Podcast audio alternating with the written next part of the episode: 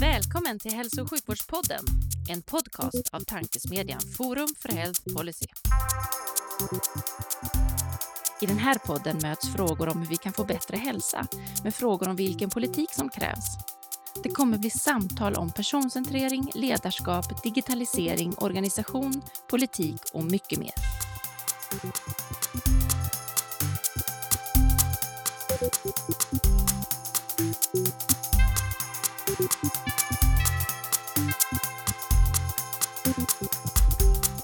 Hej och välkomna till ännu ett avsnitt av Hälso och sjukvårdspodden, tankesmedjan Forum för Health Policys initiativ där vi diskuterar de stora frågorna inom hälso och sjukvården med initierade personer från densamma.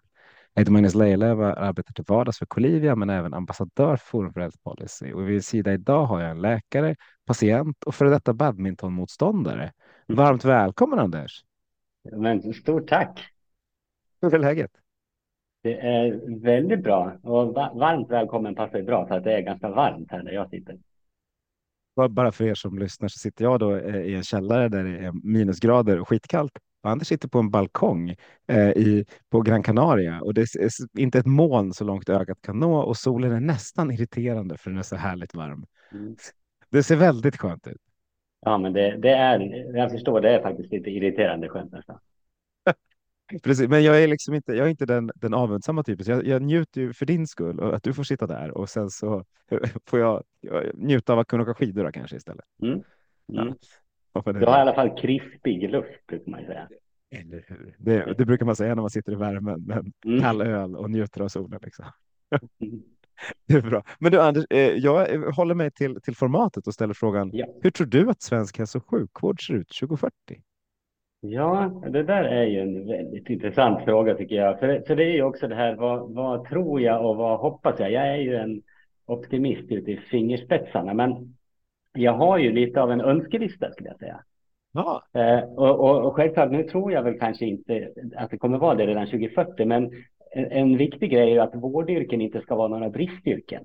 Det vore ju härligt om det var så 2040. Och, och den, den, den ja. Vi kommer tillbaka till den, för den är ju en utmaning redan, även idag. Liksom. Ja. Mm, precis. Men och sen så vill jag jättegärna se mer friskvård i sjukvården. Så, så man brukar ju säga det att sjukvård, det är liksom när man blir vårdad av andra och friskvård, det, ja, det, det är när man vårdar sig själv. Mm. Men det är ju bara att kolla på Alltså 30 procent av all cancer, 80 procent av alla hjärt-kärlsjukdomar är liksom beror på livsstilsfaktorer. Vi klarar inte av det på egen hand. Det, därför man behöver liksom stödet att, att få till den där friskvården. Sen måste det ske saker i samhället också förstås. Men jag tänker ändå att eh, mycket behöver man göra inom sjukvården och det första jag tänker på är ju just fysisk aktivitet som behandling. Så när man använder det som behandling är det samtidigt förebyggande för en mängd andra eh, diagnoser. Så där är det ju cancervården brinner jag mycket för. Så att, eh, det är framför allt Ja, jag tänker att där ska ju verkligen den fysiska aktiviteten in som en naturlig del av behandlingen. Men, men jag brinner ju också för primärvården. För primärvården måste få, alltså 2040 då har primärvården fått mycket mer resurser, eh, liksom den här kompetensförsörjningen så vården blir mer jämlik. Och att man samarbetar mer mellan olika instanser. För nu jobbar jag mycket som skolläkare och där har man ju chansen att komma in tidigt. Så, så där hoppas jag också att de, det ser väldigt olika ut med olika skolor och skolhälsor, hälsovårdar, eh, elevhälsor i landet. Att, att det ska vara, ja, att det ska, att skolläkare och skolsköterskor ska ha en tydligare roll, kan jag tycka, i det där förebyggande arbetet. Mm. Och sen Ja, det finns ju så mycket. Alltså, vi måste jag, sluta... jag vet inte vilka punkter det är på nu, för det kommer Nej. så många bra punkter. Så.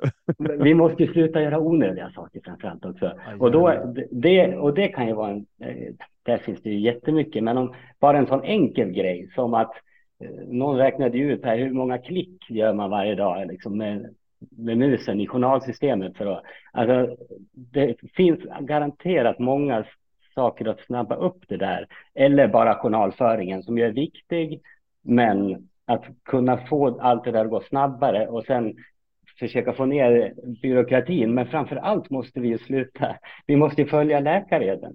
det här med att ibland bota, ofta lindra, alltid trösta, men i första hand inte skada.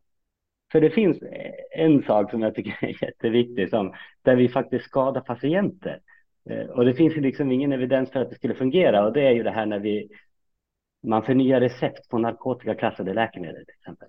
Och man bara förnyar och förnyar. Alltså, eh, jag förstår att det kan bli så och det är ju också faktiskt ett symptom på eh, begränsade resurser inom primärvården på ett sätt. För det enkla är bara att så här, förnya när man får in någon sån där receptförnyelse.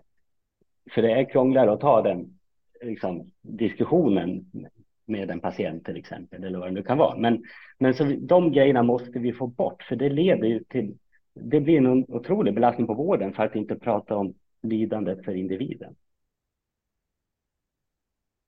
Och jag har mer på min, på min lilla lista, men det, vi kanske kan nöja oss. Vi, ja, men kul, vi, kan, vi kan börja. Vi kan, jag brukar ställa den frågan så har jag, brukar det finnas spår att ta i eh, för resten av podden. Och det känner jag redan nu att ja, men här mm. har vi några riktigt fina saker att djupdyka i.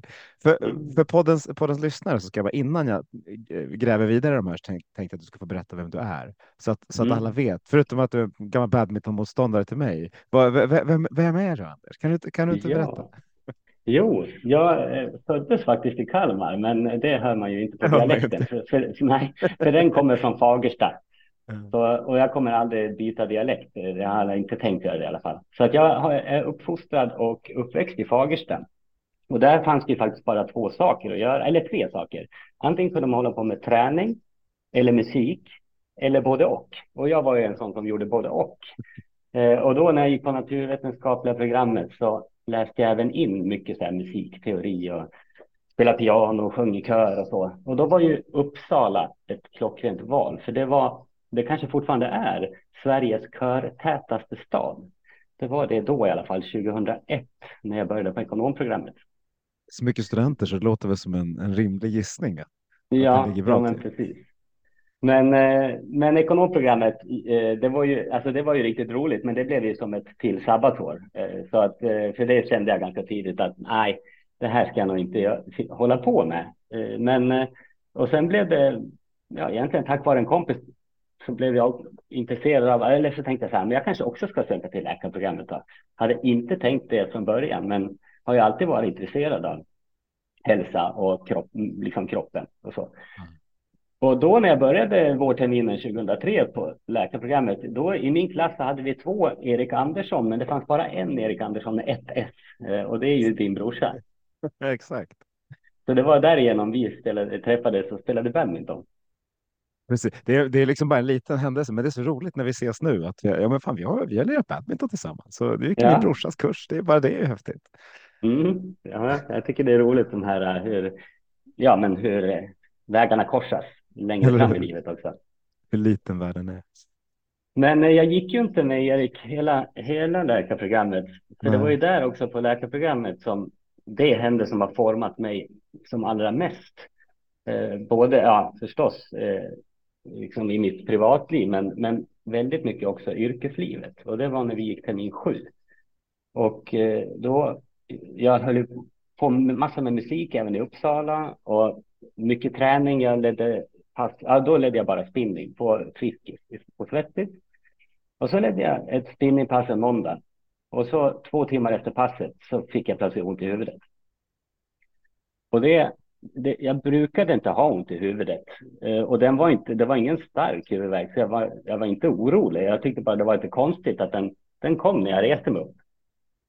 Och sen mm, tänker jag så här, men den kommer gå över imorgon. Eh, så då på tisdag morgon när jag vaknar, då är huvudvärken kvar. Och det hade jag nog aldrig varit med om, tror jag, tidigare. Att huvudvärken satt i även efter jag hade sovit. Och då skulle jag ju leda ett sånt där pass på tisdagen också. Eh, och tänker att ja, men det här kommer gå över. Eh, det gjorde det inte, men jag ledde passet ändå. Och det gjorde inte att, alltså huvudvärken blev inte värre av det i alla fall. Eh, sen, eh, men det kändes ju att jag hade lite svårt att titta runt på alla alla som var i salen för att jag hade ändå haft ont i huvudet då i 24 timmar. Mm. Och sen på onsdag kommer jag ihåg tydligt, för då hade jag ju faktiskt ett seminarium tillsammans med din brorsa bland annat. Och det, det, var det här är ingen efterhandskonstruktion. Det handlade om huvudvärk och stroke mm. Eh, och reumatiska sjukdomar också. Och jag skulle gå då en, en jour, medicinjour på akuten efter det seminariet. Och då kommer jag ihåg, jag pratade med Erik om det här med huvudvärken och det var några mer, fler kollegor där, eller kursare. Och de sa det att, ja men du kan väl fråga din handledare nu under, under jouren vad det kan vara. Liksom, sådär. Och så stod jag då, alltså för jag hade ont i huvudet hela onsdagen också. Så, men jag stod i alla fall då ombytt till den här landstingspyjamasen och så eh, hade jag jourschemat framför mig. Men, och jag var så trött för jag hade ont i huvudet länge så tänkte jag så här, nej, Eh, han kommer bara avfärda mig som en eh, hypokondrisk läkarkandidat. Så då, eh, och jag var trött så jag kände så här, men jag, jag tar inte jouren idag. Så jag strök mig från listan och skrev upp mig på lördag morgon istället. Och lördag morgon, för sen har jag ont i huvudet alltså hela torsdagen. Vi har något praktiskt prov, eh, men och då tänker jag så här, in, för att klara av det. Eh, det var ganska pressande att ha ett praktiskt prov med en läkare som såg över en när man träffade någon patient som man inte visste vad de skulle ha för problem och så skulle man ställa diagnos och så vidare. Så då tog, trodde jag ändå att det var migrän, så då tog jag eh, liksom det receptfria man kunde. Då. Det var väl någon så här acetylsalicylsyra med koffein och Alvedon. Eh, och då blev det lite bättre för första gången. Eh, det försvann inte helt. Men eh, så Eh, i alla fall så, ja men då tänkte jag så här, men då var det säkert migrän. Vaknade upp på fredag morgon, fortfarande huvudvärk. Orkar inte längre liksom ta mig till, ja då hade vi föreläsningar hela dagen, så då stannade jag hemma. Men lördag morgon då, alltså när jag ska gå den där akutjouren, då vaknar jag istället upp med en sån här åskknallshuvudvärk. Och det är som blixten slår ner i huvudet och jag börjar kräkas. Eh, måste ta på mig solglasögon inne fast inte ens eh, fast det inte är soligt. Och, eh, och Eh, men, men tänker fortfarande att det här är migrän. Det snurrar runt en massa andra diagnoser. Vi hade ju också läst om några bara några dagar tidigare. Men jag tänkte ändå det är migrän eh, och jag tänkte jag behöver inte åka in till akuten. Men eh, jag fick ju inte i mig någonting hemma. Alltså jag, försökte ta huvudvärkstabletter, jag bara kräktes upp dem. Jag kunde inte äta någonting och det gick knappt att dricka vatten. Så jag insåg att det här går inte. Så att jag ringde en kompis som fick skjutsa in mig till akuten. Och sen en lång historia kort där så fick jag i alla fall åka göra en skiktröntgen av, av hjärnan. Mm. Och sen då så kom läkare Karin tillbaka in i rummet eh, och eh, skulle ge mig beskedet från den där skiktröntgen. För att, jo men, ja, det är faktiskt också lite absurt det här att då när jag kom in, eh, alltså som patient istället för läkare, då har, jag ju en kursare som går runt. När jag ligger där med en liksom, tras över huvudet, jag är ganska ljus, fortfarande ljuskänslig och så. De har uteslutit att det skulle vara hjärnhinneinflammation och så. Har jag blivit liggande, då hör jag när han går runt och tar emot patienter och så skjutsar de in mig på ett rum och då kommer han in där. Och det här är första april av alla datum. Så han tror ju att det är ett aprilskämt när jag ligger i sängen där som patient. Ja. Jag skulle ha jobbat med honom. Så det var otroligt surrealistiskt. Och så, då, börjar, då tar vi upp ett kompendium med så här, stryker diagnos efter diagnos. Och så är det två kvar egentligen. Eh, och det är hjärntumör och hjärnblödning. Och jag tänkte ju såklart att det en, om det är någonting så är det en ansträngningsutlöst hjärnblödning. Ja. Eh, och, och, jag vet inte varför, det skulle ju också vara allvarligt, men det kändes ändå så här, ja men det kunde jag förstå att det skulle ha kommit och ja, det var lite lättare att greppa det. Hjärntumör trodde jag ju inte alls. Men, men det visade sig att det var en, en hjärntumör, stor som en limefrukt. Och, ja, och det, bara den, att när jag fick det beskedet, det var ju... Jag, jag, jag kommer aldrig glömma när hon kom in i rummet och frågade om hon... Så här, är det, eh, är det okej okay att jag tänder i taket? För jag, jag låg i ett mörkt rum och så var de här skjutdörrarna bara öppna lite grann på glänt så det skulle komma in lite ljus. Eh, för jag skulle behöva stänga dörrarna om oss. Ja, ja visst, sa jag. Och då, och, men jag tycker, när jag minns det så, jag, jag vill minnas att hon, hon såg påverkad ut, liksom tagen, att hon, att hon hade någonting att säga som inte skulle vara bra. Men, eh, och så satt hon sig ner och så sa hon att det såg inte så bra ut på röntgen. Nej. Nej, man, man såg en förändring. Jaha. En tumör. Och där där har jag en minneslucka. Och nästa minnesbild jag har, då sitter jag med det här A4-pappret. Det här var alltså 2006. Eh, och då hade hon det utskrivet med sig då. Det här, eh, skiktröntgensvaret och läser om en diameter, som 4,5 centimeter diameter stor tumör, eh, medellinjen förskjuten åt sidan, förstorade ventriklar, alltså det var mycket dåliga grejer där och man kunde inte utesluta att det var en blödning och det bla bla bla. Och det hade ju läst många röntgensvar, men, men inte på, ja, aldrig på någon hjärntumör tidigare faktiskt. Eh, inte så där tydligt i alla fall. Och dessutom den här patienten hette Anders Södergård och hade precis samma personnummer som jag. Så märkligt. Uff. Ja. så där, där börjar ju allt i alla fall. Eh, så jag, det, jag, faktiskt så kommer jag, det kommer ut en antologi snart som heter Sjukdoktor. Eh, och där har jag skrivit ett, ett av kapitlen. Och, för, för och det kapitlet har de eh, tagit ett citat av mig som, eh, och, och döpt det till att jag, jag blev fullfjädrad patient långt innan jag blev färdigutbildad läkare. Och, och just den grejen, det, det, tror jag nog är det som har format mig mest i, i, i yrkesrollen. Jag var inte ens övertygad om att jag skulle bli läkare efter jag hade legat inlagd två månader i sträck och massa komplikationer. Det visade sig att min högra njure var missbildad från födseln och jag fick lungembolier, sådana här blodproppar i lungorna. Eh, och sen har jag samlat på mig lite fler diagnoser genom åren. Eh, för att det är inte bra. De kunde inte operera bort hela. Och eh, jag fick genomgå en strålning också eftersom det är en väldigt ovanlig variant. Och det är en ovanlig variant av den ovanliga varianten som är extra aggressiv. Så då fick jag en sån här eh, livstidsdos strålning egentligen.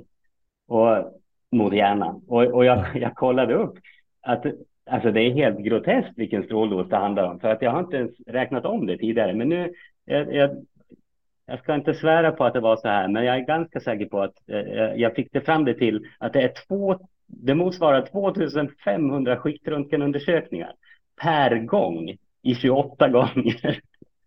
Och det är ju det här som har, ja, mina kärl är helt sönderstrålade där uppe, så att jag har haft några strokes redan. Mm. Men, så att, ja. men, men jag kör stenhårt på den här att du, eh, jag tror att det är Ingvar Wilhelmsen som har myntat det uttrycket. Han säger att du får, du får vara hur sjuk du vill så länge du har hälsan i behåll. Mm. Och, och, det är precis så jag tänker. Jag, känner, jag skulle säga att jag, jag skattar min hälsa väldigt hög, alltså väldigt god hälsa. Men jag har ju, det, många skulle titta på diagnospappret, då skulle de bara, du är ju dum i huvudet. Du kan inte säga att du har en god hälsa. Ja, jag är sjuk, fast det, det behöver inte betyda att jag, jag har dålig hälsa för det. Nej. Och, och det här gör ju också då att det har blivit ännu viktigare för mig att, alltså för det första så hade jag nog inte överlevt de där två månaderna på sjukhuset om det inte var för att jag hade, att jag ändå var så pass vältränad som jag var när jag kom in. Och det sa de flera gånger också till mig. Och, och efter det där har det blivit ännu viktigare för mig, det här med träningen. Att hålla i den där fysiska aktiviteten. Visst, det är ju ingen mirakel, alltså, är, man kan inte träna sig frisk från cancer. Eh, det, man kan liksom inte träna bort en tumör. Men man kan ju förbättra effekten av behandlingarna. Och det, mm. och, och det finns ju så mycket evidens så det är ett under att det alltså fortfarande inte är en naturlig del eh, när man får en cancerdiagnos, att man samtidigt ska få ett träningsschema som är inlagt utefter vilken, om man har cellgifter eller strålning eller vad det är för något. Jag håller med. Ah, shit. Jag minns fortfarande när brorsan berättade om det. Eh, ah. När han liksom berättade om, om att det hade hänt. Det var verkligen för en, en ung student så var det väldigt förvirrande, förvirrande höra. Man trodde inte det var möjligt. Man var odödlig just då. Exakt. Jag var ju 25 och mitt livsform. Ja, exakt. Och, och, jag, och, så var jag en dödligt sjuk eh, cancerpatient bara några dagar senare. Mm. Ja, den där är så tvära kast. Det, det hinner man liksom inte. Det gick inte att förstå. Vi har intervjuat flera eh, liksom, patienter som har jobbat inom vården tidigare och som mm. då liksom säger att men jag ändrade mitt förhållningssätt och jag blev fascinerad av att så här, men, kunskapsstyrningen som lät så bra när jag satt vid sidan var ganska märklig när jag var patient och ja, ett antal sådana saker som liksom upp, upplevelser som kommer in. Du, du har liksom aldrig jobbat i vården egentligen innan du blev patient. Nej, nej, och varje, nej men precis, för också på läkarprogrammet till exempel. Alla slogs ju om sådana här läkarassistentjobb och så skulle man vara underläkare sen. Jag jobbade inom stålindustrin, eh, Atlas Copco i Fagersta, och mm. varenda sommar. Så jag tänkte ändå, ja men jag kommer ju ändå jobba inom vården resten av livet. Så att jag, och jag, det var, det var så härligt att byta ut det där akademiska Uppsala mot lite bruksmentalitet och köra truck och travers och bli skit efter varje skift. Eh, jag fattar. Det var lite, jag, lite jag, jag, körde truck i Uppsala istället på somrarna. Men, mm. men så är det. det eller hur? Det mm. går också. Det är inte alls lika, inte lika coolt. Ja. Det kan jag inte. Men, men, men, men när, ja.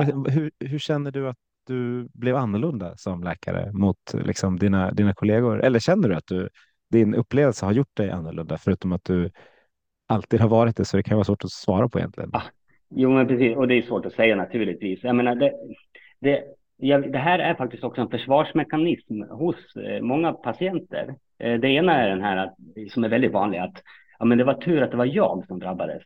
För, för jag, jag vet inte någon liksom annan i min bekantskapskrets som skulle kunna ta det lika bra. Eh, så känner jag och det vet jag att det är en vanlig försvarsmekanism. För, plus att det tycker jag är skönt då, för att det är värre när någon anhörig är sjuk än jag själv. Det är mycket, i många fall skulle jag säga att det är mycket svårare att vara anhörig än att, än att vara patient själv.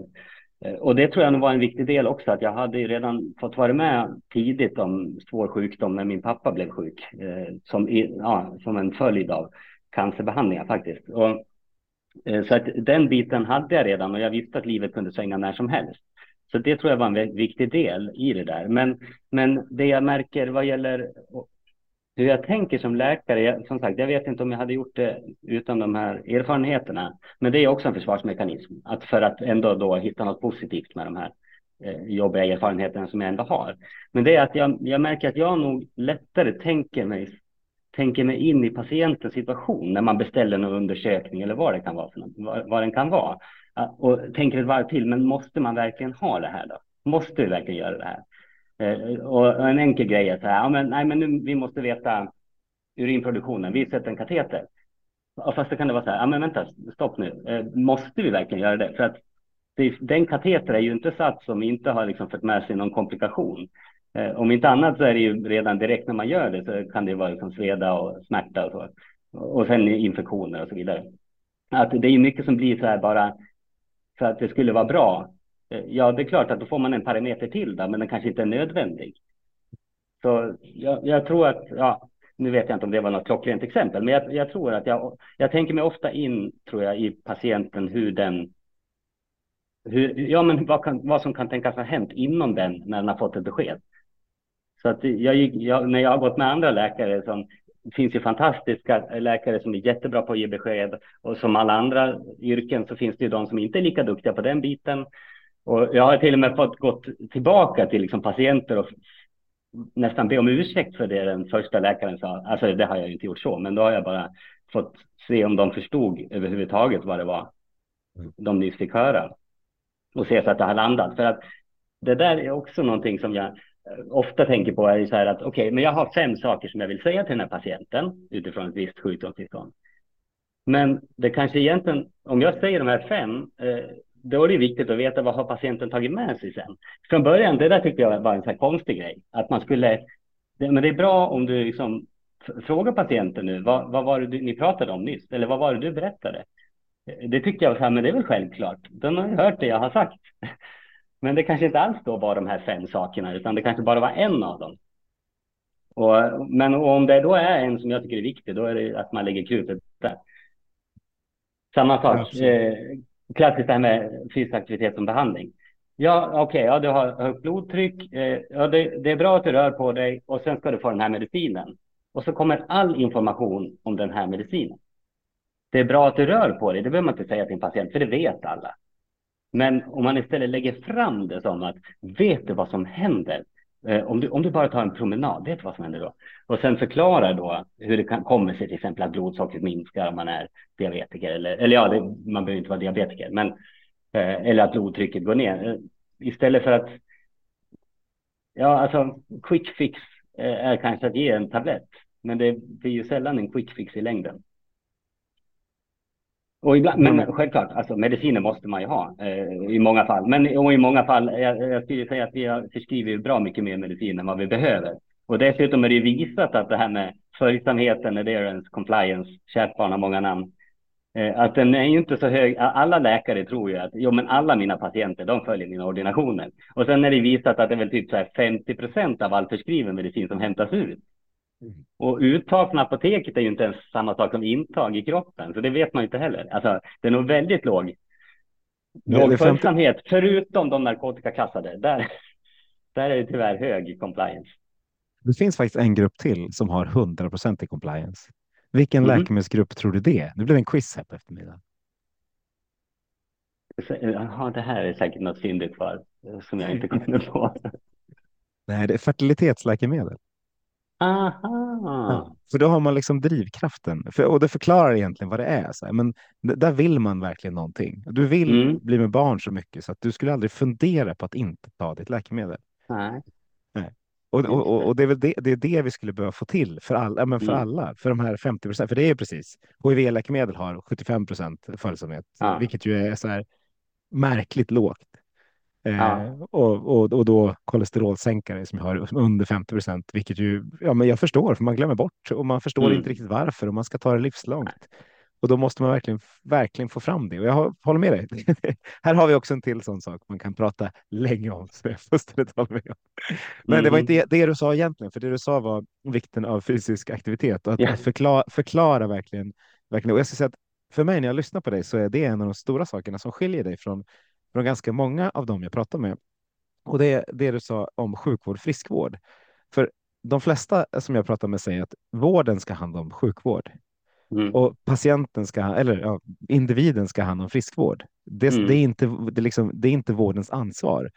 Effekten blir att patient, om patienten inte, inte rör sig så kommer patienten till oss, men det är inte mm. vårt ansvar. Och, och, för mig är det det, så här, det stora felet i, mm. i vårt system, att vi inte så här, mm. det, det, är där det blir ojämlikt. För mm. om du lämnar det till individen, då blir det per automatik ojämlikt. För då kommer du och jag som, ja, men som förstår att det är viktigt att ta hand om oss, även om vi kan bli sjuka ändå, så förstår mm. vi liksom vikt, vikten av det. Eh, men de som inte förstår, vilket i stor del handlar om, om utbildningsgrad och liksom var man kommer ifrån, då, då kommer det bli ett ännu ojämlikare samhälle. Mm. Ja, men, absolut. Och hur tror vi ska göra då, för att få den liksom bilden du har om att vi behöver gå mer mot mot friskvård, för jag tycker att det, det, det finns något, något i det. Mm. Om det nu är 2040, om vi har nått dit eller inte, det, det, det, vågar jag inte svära på. Men, men jag skulle vilja att vi närmar oss mer det preventiva. Vad, vad, vad tror du är mm. nycklarna för att komma dit? Alltså, och, jag, och vad jag önskar att jag hade svar, svar på det. Alltså, det är så mycket som måste förändras. Alltså inte, man kan inte göra allting inom sjukvården förstås. Eh, och nu är ju det här lite önsketänkande då förstås, det här med resursfrågan och så vidare. Men, men helt uppenbart för mig är ju att de flesta individer klarar inte av det på egen hand. Eh, och även de som klarar av det klarar av det mycket bättre eh, med hjälp av liksom, stöd. Och, men, och det ofta är ju det, är ju det där första steget. Vi behöver lägga krutet på starten. För när man, om man väl får någon över liksom, tröskeln så, så är det större chans att man kan liksom, hålla i det där sen. Eh, men det är just, för det krutet är faktiskt där tycker jag, att man behöver lägga det så tidigt och där måste det bli ett bättre samarbete mellan BVC och skolhälsovården till exempel. För det är ju mycket lättare att komma åt någonting om man, om man kommer åt det tidigt. Så, men jo, det här med samhället, eh, nudging har jag tänkt mycket på. Alltså, nu, det ska ju inte vara någon det är ju liksom ett komplement till andra styrmedel och allt vad det kan vara. Men men jag, jag tänker, för hjärnan, vi, hjärnan är ju liksom, vi är både smarta och korkade på samma gång. För man ska lyssna på kroppen säger man ju. Eh, det, men det är hjärnan ska man inte lyssna på jämt. Men, men man kan ju försöka lura den. För jag tänker på den här, de hade ju problem med nedskräpning i parkerna i någonstans i Storbritannien tror jag väl att det var. Så gjorde de gröna fotspår till papperskorgarna. Och då blev, minskade nedskräpningen för folk och slängde där. Men, men ganska fort blir det nyhetens behag. Det var ju likadant i Stockholm där, Odenplan, när de hade den här pianotrappen. Precis. Eh, där det lät som ett piano när man gick upp. Det var ju många fler som tog trappen då istället för rulltrappan som fanns bredvid. Men sen, och det här med, det var ju det här med nedskräpningen, det höll ju i sig ett tag. Men, och sen när det då inte verkade ha samma effekt längre, då la de ju till en ljudeffekt i den där soptunnan så att det skulle låta som att det var, liksom, var hur djupt som helst där i den där soptunnan. Och då ökade det igen. Men man måste hela tiden påminnas om det där, för vi, ja, man vänjer sig så snabbt med annat och nu har jag ju verkligen eh, skenat iväg hör jag. Men, men... Nej, men, nej, men, men, det, men det, ja. det, finns en nudging som verkar funka och det är på, på här, i herrpissoarer så finns det en liten fluga på en del. Och den verkar tydligen minska nedskräpningen. För, för alla killar vill träffa rätt och sikta på en sån. ja, jag hoppas på sätt och vis att det är intressant, men det, men det, jag är jättesant. Rätt att det, det är i och för sig positivt på ett sätt, men ja, men tydligen, eller jag läste någonting om eh, en, en smiley på elräkningen. Nu vet jag inte om det var så eller om det bara var någon som diskuterade att man skulle ha en smiley på elräkningen när man hade förbrukat mindre. Eh, för, för det här är också problemet med fysisk aktivitet. Ja. Vi är så beroende av direkt feedback. Ja. Och det får man inte. Eh, alltså, samma sak då om man ska börja något förebyggande arbete. Ja, det, det, det är svårare om... Du får inte direkt feedback på att okej, okay, nu sparar du in så här mycket pengar. För det handlar ju ofta om det. Eh, utan det är ju mer på sikt. Och jag menar, uteblivna utgifter skulle man kunna säga. Det är inte rena intäkter, utan det är uteblivna utgifter som är den stora intäkten på sikt. Men det, det blir liksom inte lika tydligt att visa det, eller det är svårare i alla fall. Men det är så märkligt, för eh, någon, är det någonstans inom liksom hela hälso och sjukvårdssystemet, om vi nu gör det lite större, så man kan se effekt direkt, det är ju fysisk aktivitet. För du kan både få, liksom, om, om du tittar på vad min telefon registrerar, så är det inte så att jag vet ju exakt när jag rör mig mer och mindre. Jag vet, mm. jag har liksom full koll och, och den datan skulle jag ju med glädje dela med vården. Jag vill mm. att du, om du är min läkare så vill jag att du ska ha liksom, hela tiden ha min data flödandes till dig. Inte så att du behöver mm. titta på det, men så att det plingar till när det är någonting som Magnus gjort annorlunda. Men nu har han börjat gå mycket mindre. Eller nu har han mm. ätit mycket mer. Eller nu eh, har pulsen stigit. Det, det, det, är sånt jag skulle vilja att du fick veta om och fick ta, ta action på. Eh, mm. Sånt som jag, liksom som jag, jag skulle gärna dela med mig mina kreditkortsköp. Liksom. Nu har han gått lite mycket på mm. Systembolaget. Här Anders kanske du behöver göra en insats. Mm. Och då får man ha en lista på vårdcentralen med tio patienter eller något sånt där. Ja, men inte om, inte om, där, men, ja, men... fast inte om du har, inte om du, du har lite hjälp från AI. Från, du, nej, nej, du, exakt. nej, men det skulle ju vara guld värt att ha det där.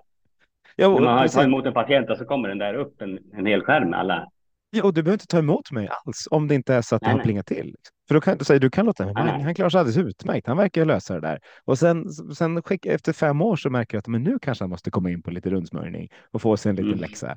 Eh, eh, jag, jag menar mest att det finns. Vi, vi missar liksom. Vi missar Friskis Svettis, vi missar apoteket, vi missar ICA när vi bygger vårt hälso och sjukvårdssystem. Vi är så fokuserade mm. kring, kring vårdcentralen. Mm.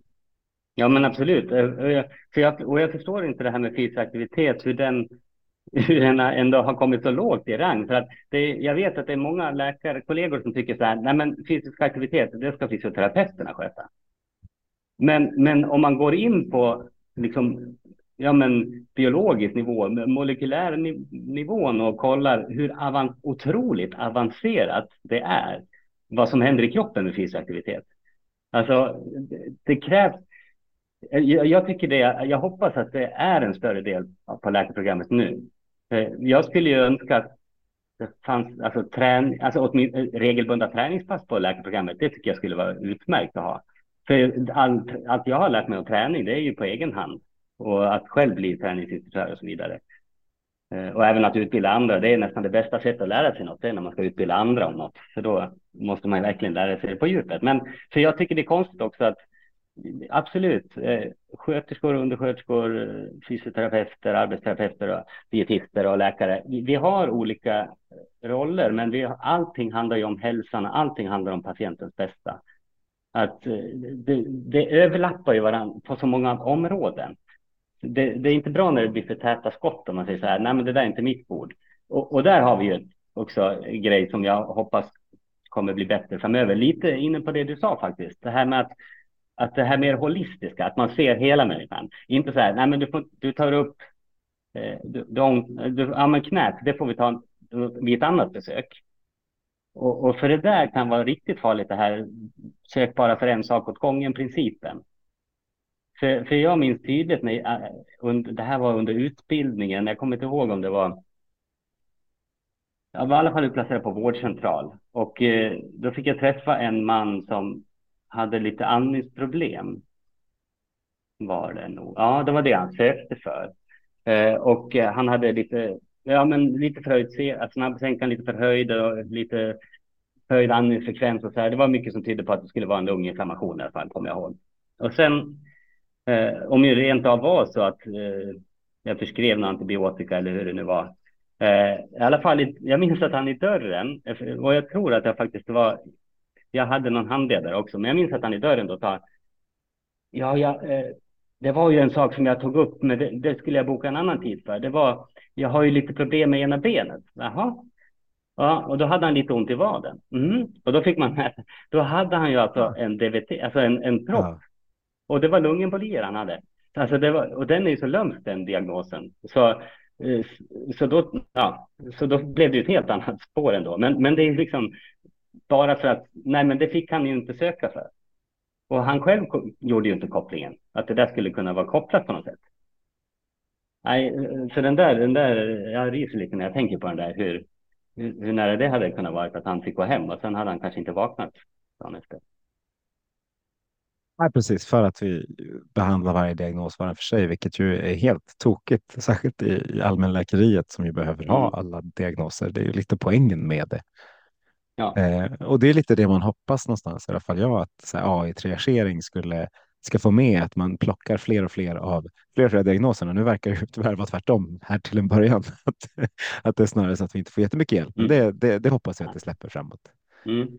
Eh, för det är där man vill kunna få hjälp med sådana som kan se de här mönstren, alltså sådana, att, att eh, någon, någon intelligent eh, artificiell lösning faktiskt eh, ser det där vi missar. För det går ju att mm. missa saker och ting också. Ja. Eh, du nämnde också bristyrken, eh, eller att det in, inte ska vara bristyrken 2040. Och då är frågan, mm. är det bristyrken idag eller är vi strukturerade på ett sätt som gör att vi inte använder yrkena på rätt sätt? Det är säkert jag skulle säga att det är en kombination av båda egentligen. Men, men och sen om man, alltså jag kan inte låta bli, eftersom primärvården är ju ändå den, den instans som jag tycker är, alltså den är så enormt viktig eh, på, på så många sätt. Inte bara att de flesta antal cancer ut, upptäcks ju där, alltså 70 procent av all cancer eller sånt där. Eh, och för cancer är ju fortfarande någonting som är lite av ett specialintresse, även om eh, det är allmänläkare jag är. Det hade varit eh, jättekonstigt om cancer inte var ett specialintresse ja. med, med tanke på din Leonas historia. Liksom. Bara så. Ja, ja exakt. Eh, men fast å andra sidan skulle det kunna bli tvärtom, att nej, jag vill inte ha någonting med det där att göra. Eh, om man är lagd åt det hållet så skulle det ju kunna bli en motreaktion istället. Men, eh, du känns men, inte riktigt som den. Nej, jag har i alla fall, men jag har åtminstone kommit fram till att jag ska inte jobba med cancer eh, på det som jag trodde från början att jag skulle, så, för det blir lite för mycket. Men nu eh, så svävade jag iväg igen. Eh, jo, vänta, primärvården och vi pratade om bristyrken. Jo, att det är ju så få eh, som jobbar heltid på vårdcentraler. Det är, det är, det är så många, alltså de, det är, nu, jag kan inte siffrorna, men det är så skrämmande höga siffror på antal deltidsarbetande inom primärvården till exempel. Och, och säkert sjukskrivningsgraden är säkert också väldigt hög där. Men så att, och, och, problemet är ju om man har en vårdcentral där det är, ja men det, det, liksom, det är väldigt dålig bemanning som gör att det blir väldigt tufft för de som väl är där. Eh, hur, då är det, och till slut, då, kommer, ja, men då kanske de börjar jobba deltid, det blir ännu färre, det blir ännu mer press. Det blir ju ingen, ingen vill ju jobba på den vårdcentralen då. Mm. Och då blir det ännu svårare, liksom, det blir ännu mer press. Det jag, jag vet att alltså man måste få till en bättre arbetssituation. Eh, det, det, den är en viktig grej skulle jag säga. Men, men jag vet inte hur man riktigt ska göra det. Jo, som, absolut om man får bort de här onödiga grejerna. Mm. Eh, och, och jag tror ju på sikt, med tanke på hur mycket som, av sjukligheten som beror på livstidsfaktorer, så kan vi få bort en stor del av sjukligheten. Men, men det är ju inte enkelt på något sätt. Och eh, som sagt, den som har svaret på det, ja, men det värsta är att vi kommer skjuta på sjukligheten också, så kommer, vi kommer bli äldre och så ja. kommer det komma andra typer av sjukdomar. Så nog kommer vi behöva Exakt. ha vården. Ja. Liksom. Det, det, jo, absolut. Men lite nu, eh, stanna kvar vid det där att folk jobbar deltid. Mm. Eh, tror, tror, du att man jobbar deltid för att, eh, för att det är så pass rigid struktur så att om du ska jobba heltid så hinner du inte vara hemma med barn och du hinner inte liksom leva livet utanför? Eller tror du att du jobbar, för, man går ner på liksom deltid för att det är så stressigt? Mm. För, för, för, en lösning skulle vara att här, om man kunde skjuta administrationen och ta den hemma på kvällen när man liksom under småbarnsåren till exempel för att ta ett sånt. Eh, eller att man kan ha, men, ha digitala möten hemifrån vissa tider eller alltså att man kan försöka hitta mm. mer flexibla inslag i arbetet som gör att man kan få, få ihop allting. Nu, sjukskrivningar och liksom utbrändhet, det är ju en helt annan sak för det, det går ju. Mm. Det går ju men, men, det, men jag tänker att det, det finns någon slags flexibilitetsfaktor också eller är, det, ligger det, är den bara i mitt huvud? Nej, men det finns väl absolut en flexibilitet där. Sen, sen är det ju väldigt olika också hur hälso... Alltså det måste ju verkligen vara individanpassat där också, rent yrkesmässigt. För vissa dör ju av stress om de har med sig liksom jobbet hem. Ja. Jag tycker det kan vara skönt att lösa saker hemma och nu jobbar jag helt i mitt eget bolag. Då är man ju aldrig ledig eller så är man alltid ledig. Det beror på hur man ser det. Men, men eh, att alla är ju olika där, men, men jag tror ju att det där med deltiden en, en enormt viktig del. Och, och, när man säger stress, då är det ju inte bara så här att du har så här många patienter som du ska klara av i timmen. Eh, att, men att det, det är ju en, en, del i det där, där man inte, när man inte känner att man får resurser, liksom, eller man, man har inte tillräckligt med tid med varje patient. Det, det är ju stressande, för då känner man att man kan inte göra ett så bra jobb som man egentligen skulle kunna eller skulle vilja göra. Men, men sen är en, andra, en annan jätteviktig stress är ju det här om man känner att man inte kan påverka sin situation. Det, det är bland det mest stressande som finns. Den där tidboken i, liksom på vårdcentralen. Eh, om andra kan gå in och ändra saker i den och lägga till och ta bort och sånt där. Det är ju enormt stressande och där funkar ju vårdcentralerna lite olika. Men men man pratar ju ofta om att ta makten över sin egen tidbok. Det, det är en viktig del för att liksom rädda sig själv lite grann. Ja, men för det, det finns något om man tittar på så här, vilka arbetsgivare som, som nyutexade vill hamna hos. Eh, mm. Eh, så, ja, men, Läkare utan gränser och sådana kommer alltid komma högt, liksom vissa privata vårdgivare. Regionerna kommer väldigt långt ner just nu. Eh, och tittar man på de här topplistorna så ligger till exempel Bonliva och Dedicare ganska högt upp.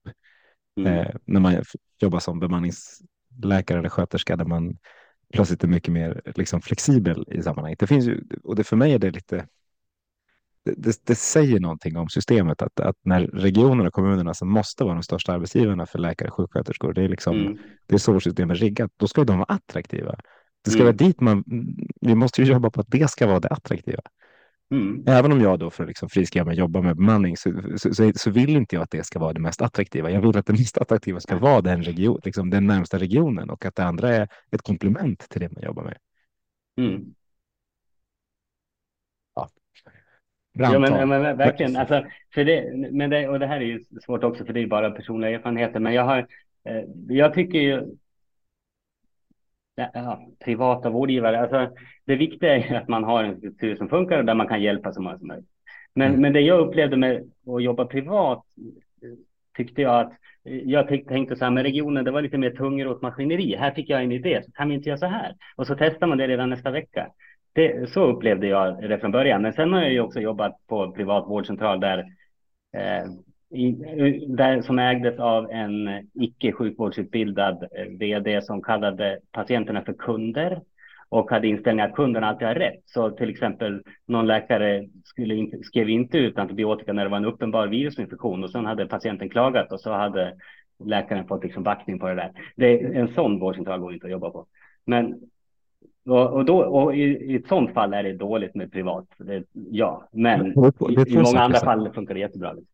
Så jag älskar att man kallar folk för kunder, att man faktiskt vill, vill kundens bästa. Men, men ja. sen att, ha, att kunden alltid har rätt, där, måste, ja, där är ju skillnaden. Liksom. För kunden har absolut inte rätt i det här Nej. fallet. Däremot Nej. att man, sett, att man tänker på någon som kund och säger du ska ha ett bra bemötande, du, mm. ska vara, du ska vara så nöjd du kan vara när du går härifrån. Det är ju jättefint. Det tycker jag är liksom ja. synd att vården inte tar efter apoteken på. Eh, alltså det är, två, det, är två, saker, för jag håller med. Det, kunden har verkligen inte alltid rätt. Nej. Nej, men det är väl en ganska gam förlegad egentligen eh, inställning eller vad man ska säga. Men det är som du säger att man kunden, man ska ju ta hand om kunden förstås. Och så ska man bemöta den som, som den, eh, alltså man ska behandla andra som man själv vill bli behandlad. Men man ska bemöta andra som de vill bli bemötta. Det, det har jag lärt mig. det underlättar också ganska mycket i patientmöten. Men det är svårt i en stressig arbetsmiljö ja. och liksom få ihop det. Säger du som är både då patient och, och läkare. Att det, liksom, ja. det är lätt när man är patient. Nu är du säkert en ganska tålmodig patient vad det gäller tillgänglighet och väntetid. Men jag antar att du mm. inte är riktigt lika tålmodig när det handlar om felaktiga beslut.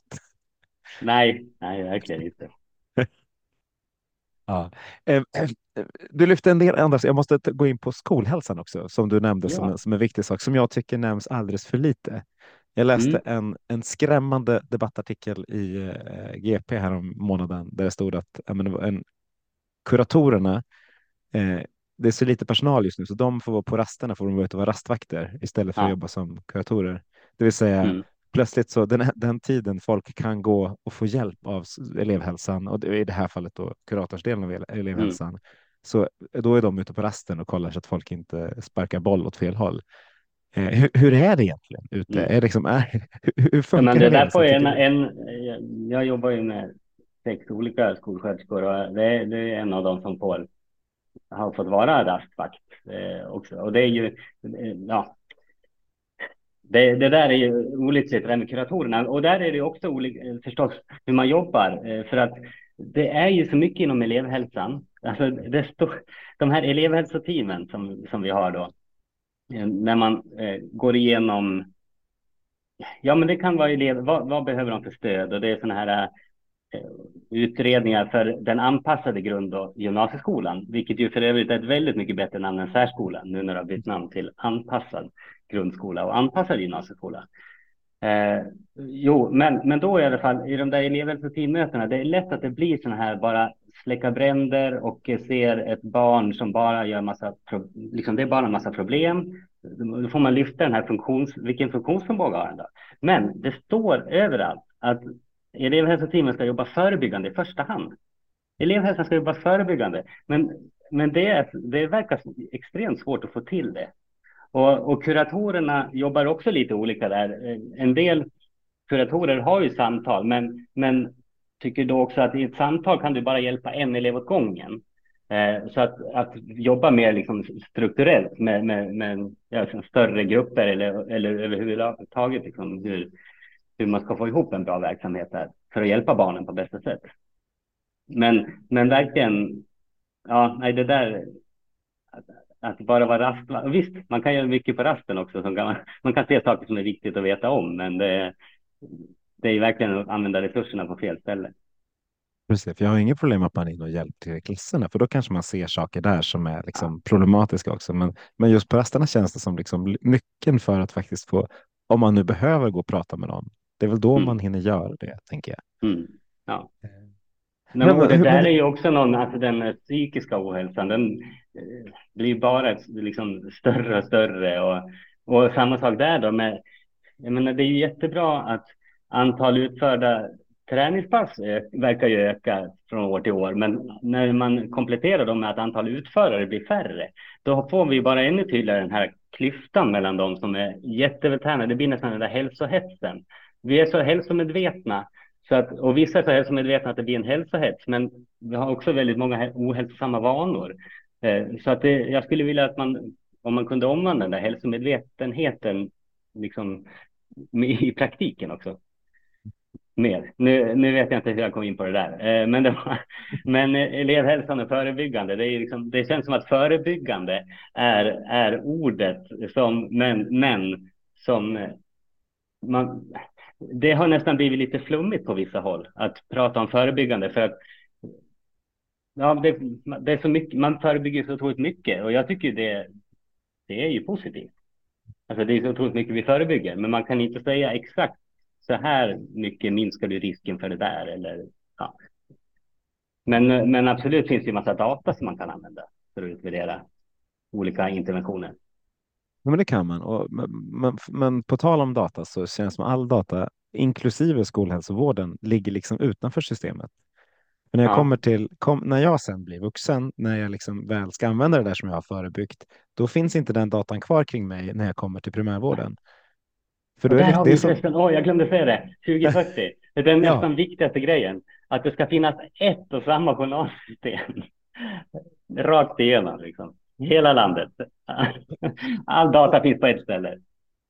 För, för mig är det två saker. Vill du att det ska finnas ett system? Eller vill du att datan ska eh, kunna finnas ja. överallt? Att systemen ska prata med varandra? Ja, ja, naturligtvis så. Det sista förstås. För, för jag, tror också, jag tror också att vi behöver ha liksom, interoperabla system där oavsett var, var, du är någonstans så ska de prata och mm. data. Vi ska kunna släppa lös och, vi, och jag som patient måste kunna säga att dela all min data. Mm. Det behöver inte alla patienter säga, för alla kanske inte Nej. vill dela och, och, då är väl det okej. Okay. Men jag som vill att, att, att du, om, om du är min läkare så vill jag att du ska veta exakt vad jag har gjort på alla ställen. Mm. Eh, och, och jag då som patient skulle vilja att om jag satt på den här vackra balkongen du sitter idag, att, mm. att min data skulle delas även där. Så om du ja. blir sjuk, nu, blir sjuk känns ju elakt, du är lite sjuk i grunden. Ja. om, men om du behöver åka in någonstans i Spanien så skulle jag vilja att din data från Sverige finns redan liksom, tillgänglig. Och, och det gör den ju inte mm. alls, utgår jag ifrån, mm. även i ditt fall. Liksom. Nej, nej, exakt. Ja, det, oh, det skulle vara så bra. Ja, men det skulle det. Och mm. både sådana här enkla saker som blodgrupp, jävligt bra att veta om mm. du ligger medvetslös. Liksom, vilka läkemedel man har vore också bra att veta. Eh, mm. Men, men det kommer ju, det kommer ju massa saker till som man skulle liksom vilja addera till det. Va? Nu håller man på att jobba på liksom lagstiftning om European Health Data Space. Om det, ska liksom, det ska skapas förutsättningar för det. Tror du att vi detta århundrade kommer att kunna ha data i om du är, sitter på balkongen i Spanien, kommer din data att finnas i närheten av dig? Om du blir sjuk? Ja, det, det hoppas jag verkligen. Det, det, ja, det, jo, men det, det, tror jag. Ja, bra. Det, det, det, vill jag så gärna tro. Men, men för det, du var inne på det där, eh, till exempel med att man ska ge sitt samtycke. När man vet att för majoriteten av alla patienter vill ju ha det precis som du beskriver det. Och jag vill också ha det så. Men att göra system så att det är opt-out istället för opt-in. Alltså, till exempel organdonation, då när man vet i attitydundersökningarna, de allra flesta vill ju. Men, men då skulle jag tycka att man, det är liksom förutsatt att man vill det. Och sen de som absolut inte vill får gå ur i så fall. Så nu är det istället eh, Ja, men opt-out, eh, Svenska kyrkan till exempel, att man hade organdonationen var, var mer självklart att alla var med i faktiskt. Eh, det, var, det var en väldigt bra analogi. Men annars, men organdonationen är i och för sig rätt bra. Det är, apropå det här med nudging, man, man borde ja. ha det på deklarationen. Så det, det, jag, jag har tänkt på det många gånger, att det, det skulle vara klockrent att ha en, en ruta där, för då har det så här, jaha, na, men de tar alla mina pengar ändå, det är liksom lågt i skatten, ta mina organ också då för fan. Jag tror, jag tror faktiskt att det, det kan vara ett smart ställe att ha det på. Det är jättesmart ställe. Det, enda, enda eh, jag kan ha emot det, det är att du fick in det i någon slags negativ kontext. Att, ja, men ta dem också. Det, ja. Man vill ju ja. att ska vara något, ja, ja, ni får, ni får verkligen ta. Ja, sant. Men du har en och sen, är det, sen är det bra och sen är det bra att betala skatt också. Förstås. Naturligtvis, men det är tråkigt mm. när man ser hur, liksom, ja. Jag får inte ge någonting. Min, min kropp, är, man får inte ge någonting. Jag får inte ens lämna blod eftersom jag har en malign tumör. Det är bra att man är försiktig kanske, men eh, ja. Sen är det ingen som vill ha min missbildade njure ändå, men, men jag, har, jag får inte ge någonting. Jag som är så generös, jag vill gärna dela med mig. Men jag får väl hoppas att jag jag, ja, medicinsk, man kanske kan använda mig i läkarstudierna. Jag hoppas, jag, hoppas det dröjer, jag, hoppas, jag hoppas det dröjer länge med att man kan göra det, men jag, jag, jag ja. hoppas också att man får titta och se vad, liksom, mm. vad var det annorlunda här? Mm. Men vad, vad hade, hade din pappa en liknande cancer? Eller vad, var det... han, han fick tjocktarmscancer ja. och eh, han var ju, jag växte upp med en, jag hade en gammal pappa eh, som, som man sa. Eh, han var 45 när han fick mig. Eh, och sen, jo men det var en tjocktarmscancer och jag tänkte att han alltid att det var för att han, han åt ju, han var finne, han åt jättemycket korvar och eh, rå köttfärs. Nu är inte det rött kött i bemärkelsen, alltså det är inte stekgraden det handlar om, men, men eh, han hade ganska ohälsosamma matvanor, men han tränade mycket. Han hade många friskfaktorer också, men det sämsta han hade, det var yrket. Han jobbade som brandman. Det är så otroligt mycket, liksom, ja men bara ett, alltså vad gäller att släcka bränder, men också massa lösningsmedel när de håller på att göra rent bilarna. Det, de är ju överrepresenterade i många olika cancerformer, just branden. Mm. Eh, och det undrar jag om han, han fick veta när han började. Inte, men, men jag tror inte man hade brytt sig om det heller kanske. Eh, alltså att man har en ökad risk få cancer. Om man nu vill bli brandman så vill man bli det. Men i alla fall, han fick tjocktarmscancer så att jag tror att yrket var en viktig del bakom det. Eh, och den var okomplicerad, hade inte spritt sig, det gick att operera bort och så fick han cellgifter. Och så var han med i en läkemedelsstudie i Uppsala faktiskt, där de lade till ett läkemedel som skulle stärka immunförsvaret. Och så drabbades han istället av en multifokal leukoencefalopati, en fortlöpande inflammation egentligen av hjärnan. Så han blev ju en helt annan person. Eh, prognosen var att han skulle leva i ett år när de väl kom på vad som hade hänt. Det tog lång tid att få rätt diagnos där, men, men han levde i 17 år innan han dog. Okej. Okay. Men, men, men, som sagt, som en helt annan person. Så att, ja. för mig var det som att han dog när jag var 15. Det var ju då han blev sjuk, ska jag säga. Eh, och sen levde han, ja, skalet levde kvar eller vad man ska säga. Men så, så när han dog, då var det som två pappor dog. Alltså, min gamla pappa, eller man säger, den han var och sen den han blev. För vi hade en bild på den han blev i liksom häftet och så på kistan stod det från när han var frisk. Så det, och för mig var det som två helt skilda personer. Var det något du tänkte på när du, när du hamnade, fick se den där bilden, eh, röntgenbilden, den där olycksaliga dagen, när det nu var, vad sa du, 2008? 2006. Sex, förlåt. Ja, ja, jag försökte räkna men... lite och så räknade jag fel. Ja. men, nej, men, vad, liksom, vad, tänkte du på något på din pappas cancer då? Eller var det liksom... Ja, det främsta tänkte jag att mamma hade gått igenom den här fruktansvärda liksom, chocken av att en smak blir sjuk och sen på det där sättet och så lång tid. Hon liksom stod ju vid hans sida livet igenom fast jag sa att hon, hon kunde ha gått vidare. Så. Men nu, nu är hon ju ute och en väldigt pigg, nu ska jag säga, jag var tvungen att flytta in. Var, blev det för varmt där? Ja, det, det Stackare. tungt, tungt liv det här. Eh, jo, eh, jo, men så det var det första jag tänkte på var ju mamma. Alltså jag, mm. det var extremt jobbigt att, det var bland det tuffaste nästan. Nej, äh, ska jag inte säga, det var ju tufft att få beskedet själv, men att behöva lämna vidare det sen. Ringa runt till alla liksom, kompisar och ringa till mamma var ju det absolut värsta. Mm. Så ja, nej, lämna svåra besked, det har man ju fått öva på genom yrket, men det blir, det blir inte lätt för det någonsin. Det är väl ingen som riktigt förbereder den på, förbereder den på det där. Nej. nej. Shit. Du Anders, vi har pratat en timme nu ungefär. Jag tycker det är så häftigt hur tiden går fort när man sitter och har ett trevligt samtal. Ja, eh, det är samma. när, när du kom in i det här digitala rummet, var, var det något du hade velat prata om som jag inte har varit inne på? Jag har ju ställt en fråga egentligen och sen har vi liksom här gått runt den. ja. Nej, jag tror, tror ju faktiskt att vi har nog berört det mesta. Alltså, det finns ju så otroligt mycket också. Det du, det du är in, har varit inne på lite grann, det där med appen och all data. Ja. Eh, det är någonting som jag har tänkt på också, just att Vänta, vi ska se. Nu ringer det här. Ska jag bara... Ja, sådär. Vänta.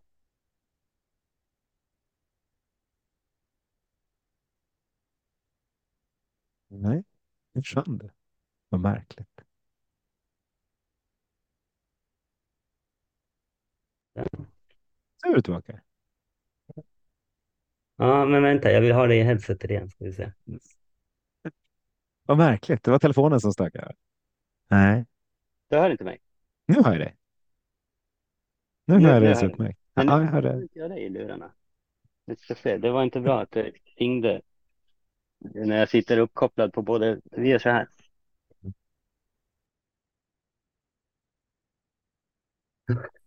Hör du mig nu då? Jag hör dig alldeles utmärkt. Nu hör jag dig. Då ja, kör vi. Bra. Eh, jo, eh, apropå det där med dela med sig av en massa data och så vidare. Eh, många tänker kanske att ja, men det är bra, man, man vill ju veta, snart kommer man ju kunna göra så här, genanalyser för att se om man har någon ökad risk för sjukdomar och eh, all, man vill göra en magnetkamera, alltså många patienter känner så här, man vill göra en magnetkamera över hela kroppen, se så att jag inte har något som ligger där. Liksom. Det är ju inte en fördel att veta allt heller. Eh, och jag har tänkt mycket på det där det här med det här existentiella, när man börjar tänka på livet och döden och så vidare. Redan, ja, som, ja, redan tidigt eh, när pappa blev sjuk. Men att eh, jag har fått en skrämmande tanke. Jag tänkte så här, om mamma och pappa skulle ha kunnat designa mig, eller sitt, när, de blev, när hon blev gravid med mig då. Eh, och de hade så här, ja men vi, vi kan se här, ni har fyra val. En av de här fyra kommer, bli, kommer få en hjärntumör. Den skulle ju de ha valt bort. Alltså, det skulle jag själv ha gjort. Och, om jag skulle skaffa ett barn så skulle jag veta att ja, men tar du det här fostret då kommer han att få en hjärntumör. Men, men jag hade ju inte, alltså jag ville finnas, så jag är glad att de inte fick välja det. Nej, men, exakt. Man, för man tar ju per automatik att men det är inte bra att ha en hjärntumör. Det kan inte bli något bra liv. Fast det kan det. Det verkar blivit ett bra liv ändå. Men det är det. klart, du, du har ju aldrig fått testa att inte ha det så att säga. Nej, exakt. Nej, men det är ju så. Ja, det, Men- det kommer, det, Ja, men man, man, det är bra att veta mycket, eh, men någonstans finns det ändå en gräns. Jag säga. och det kommer bli ännu tydligare framåt. Eh, Alzheimer är en sån sjukdom som du kan detektera tio år innan. Mm. Eh, du kommer troligen att få. Ja. Vill man veta det? Jag är ju i och och jag har ju jättestor risk. Bara det att operera hjärnan ökar ju risken extremt mång, mångfaldigt. Strålningen adderar ytterligare. Att jag håller på att samla på mig en massa infarkter där uppe eh, blir också, alltså, så det här gör ju också, jag har blivit ännu mer nitisk med kosten. Men och ännu mer nitisk med den här konditionsträningen, för det verkar vara den som är mest effektiv för att, för att inte drabbas av det i alla fall. Då. Eller skjuta upp debuten. Och, och de där vad heter det, infarkterna du har fått. Hur, Mm. hur, hur, hur har du märkt det? Hur, alltså, Det är bara du, en du, du, du som är då medveten patient Mm. som, som, dess, ja, men som, som både kan men också vet om att du är och vet att du har risken för det. Är det liksom, går du och tänker på det hela tiden? Känner du efter extra mycket? Eller har du fångat det när det har varit en, en så har du både små stroke och, och, och infarkt? Eller vad hur var det? Ja, alltså stroke är ju, är ju infarkt eller blödning, men det är, i mitt fall Ja, så är det infarkten när det väl är något och det är bara en som har gett symptom. Eh, och det var den som var i hippocampus. Och det är Ja. så små ovanliga strokes när det kommer av strålning. Det var ingen annan som hade haft någon hippocampusinfarkt eh, på neurologen i Örebro, där jag bor. Eh, och, och det finns knappt någonting att hitta i litteraturen heller. Eh, så, men, men eh, så de andra har varit tysta. Det är bara det att jag går ju på regelbundna kontroller. Ja. Och eh, då har man sett Ja. vid en sån magnetkameraundersökning då att ja, nu finns det en till infarkt så här, av färskt utseende eller ja. Alltså, de har varit tysta allihopa? Eh, ja, den, det är bara en som har gett Ja, symptom. precis. Ja. Jaha. Så, och de andra, jag har i alla fall, alltså de frågar sig om det, det senaste var i talamus till exempel, om det är så att jag har haft någon sinnesrubbning av något slag, men det är ingenting som jag har noterat i alla fall. Du är lite galen i grunden. Liksom. Det var inget, det var inget värre än vanligt. Det, det märks nog inte om jag får tio strokes till. Nej, men det där är ju, jag är ju, det är ju klart att jag vill veta det. Eh, alltså att jag har den där ökade risken för att Mm. då kunna ja, ja, gö- göra det. Fast jag gör ju inte allt. Jag menar, det, livet är så mycket mer än att bara undvika sjukdom och död till varje pris. Så jag menar, vissa tänker så här att ja, men jag är en sån här jag är supernyttig i alla avseenden. Nej, det är jag inte. Men, men, eh, men jag lever, jag skulle säga att jag lever ju väldigt hälsosamt. Det gör jag. Och ännu måste- hälsosamt tack vare ändå, vilket jag tycker är tack vare, eh, just den här stroke-risken som jag aldrig hade räknat med. Alltså jag har Mm. skrivit det i min andra bok att jag, jag lär ju i alla fall inte drabbas av någon hjärt-kärlsjukdom. Ja. Nej, för det borde du inte göra med tanke på Nej. hur du lever och äter. Liksom. Det Ja, finns, men det men- var intressant också. De har gjort en, en eh, kärlutredning från, och så från öronen och neråt ser det ju mm, strålande ut. Perfekta kärl och hjärta och allting. Men ovanför liksom öronen och uppåt, det ser ut som skräp där uppe. Alltså det, ja, ja, det är ju hemskt. Med, man kan ju tänka sig det med den där strå, enorma stråldosen. Mm. Men, men jag hade ändå inte tänkt att man har strålat sönder blodkärlen. Jag fattar inte att jag har lyckats förtränga det på något sätt. Men nej, ju skönt ändå. eller i alla fall, ja, du måste kanske förtränga det också. Ja, ja, ja, men och, grejen är att jag tänker nu, det går ju inte en dag utan att jag tänker på att jag har en hjärntumör tror jag. Eh, Mm. Eller att jag har den där stroke-risken. Men det är inte ur någon negativ aspekt utan mer att en påminnelse om att det kan ta slut när som helst. Eh, ta vara på det här nu och liksom försök göra det bästa. Alltså försök att må så bra du kan och en, en viktig del i det är ju att få andra att må bra. Mm. För det mår man ju bra av själv också. Um, så då blir det win-win om alla skulle göra likadant. Eller hur? Men jag går inte och oroar mig. Nej, det gör jag inte. Och jag glömmer, nu glömmer jag till och med bort när, när det kommer hem ett brev så där från universitetssjukhuset Örebro så tänkte jag, jaha, undrar vad jag har fått nu liksom. Är det någon, ja, och, då, jaha, det är en kallelse till magnetkameran. Eh, det är skönt att inse att jag, jag har glömt bort till och med att det var, mm. ja, nu är, har vi, det, det glesades ut så det var var tionde månad och sen blev det lite mer nu då i, i och med stroken och så. Men nu tror jag att det var tionde månad igen, så det tycker jag ändå ganska skönt att ha lite koll, men inte för ofta. Nej, precis. Och det är ändå ganska ofta, men det är inte helt, ja. det är inte hysteriskt ofta med tanke på vad du haft. Liksom. Nej, för mig känns det ju väldigt sällan ja. Eh, med var tionde månad. Det gör det. Men vänta på svaret är fortfarande ja, nästan alltid jobb i alla fall. Även ja. jag kan ju vara helt säker på att det liksom inte har hänt någonting. Men om det tar fyra veckor, som det gör ibland. Eh, nu har jag en onkolog som är väldigt snabb, eh, mm. men, men någon gång har det tagit fyra veckor. Då, jag hinner ju, den där säkerheten, den hinner dala lite grann under den tiden. För det är ju om någon, det är som om man säger att ja, men jag är helt säker, alltså, man är helt säker på något ända tills någon säger är du helt säker att det är ja, exakt. Mm. Men loggar du in själv och kollar eller väntar du på att någon ringer upp dig? ja, men, ja, jo, det brukar jag faktiskt göra. Men, eh, men jag vet också numera att jag, jag behöver oftast inte, inte göra det. Utan jag, men jag väntar nog i alla fall, jag väntar kanske en vecka. Sen går jag in. Ja. Jag tänker, för det är klart, om, det, om du får ett besked som du inte vill ha så är det kanske, mm. då är det kanske skönt att få kunna de, ha en dialog med någon och samtidigt förstår jag, jag ska inte heller kunna hålla mig om jag både kan, är duktig på att läsa det men också man, man vill inte vänta.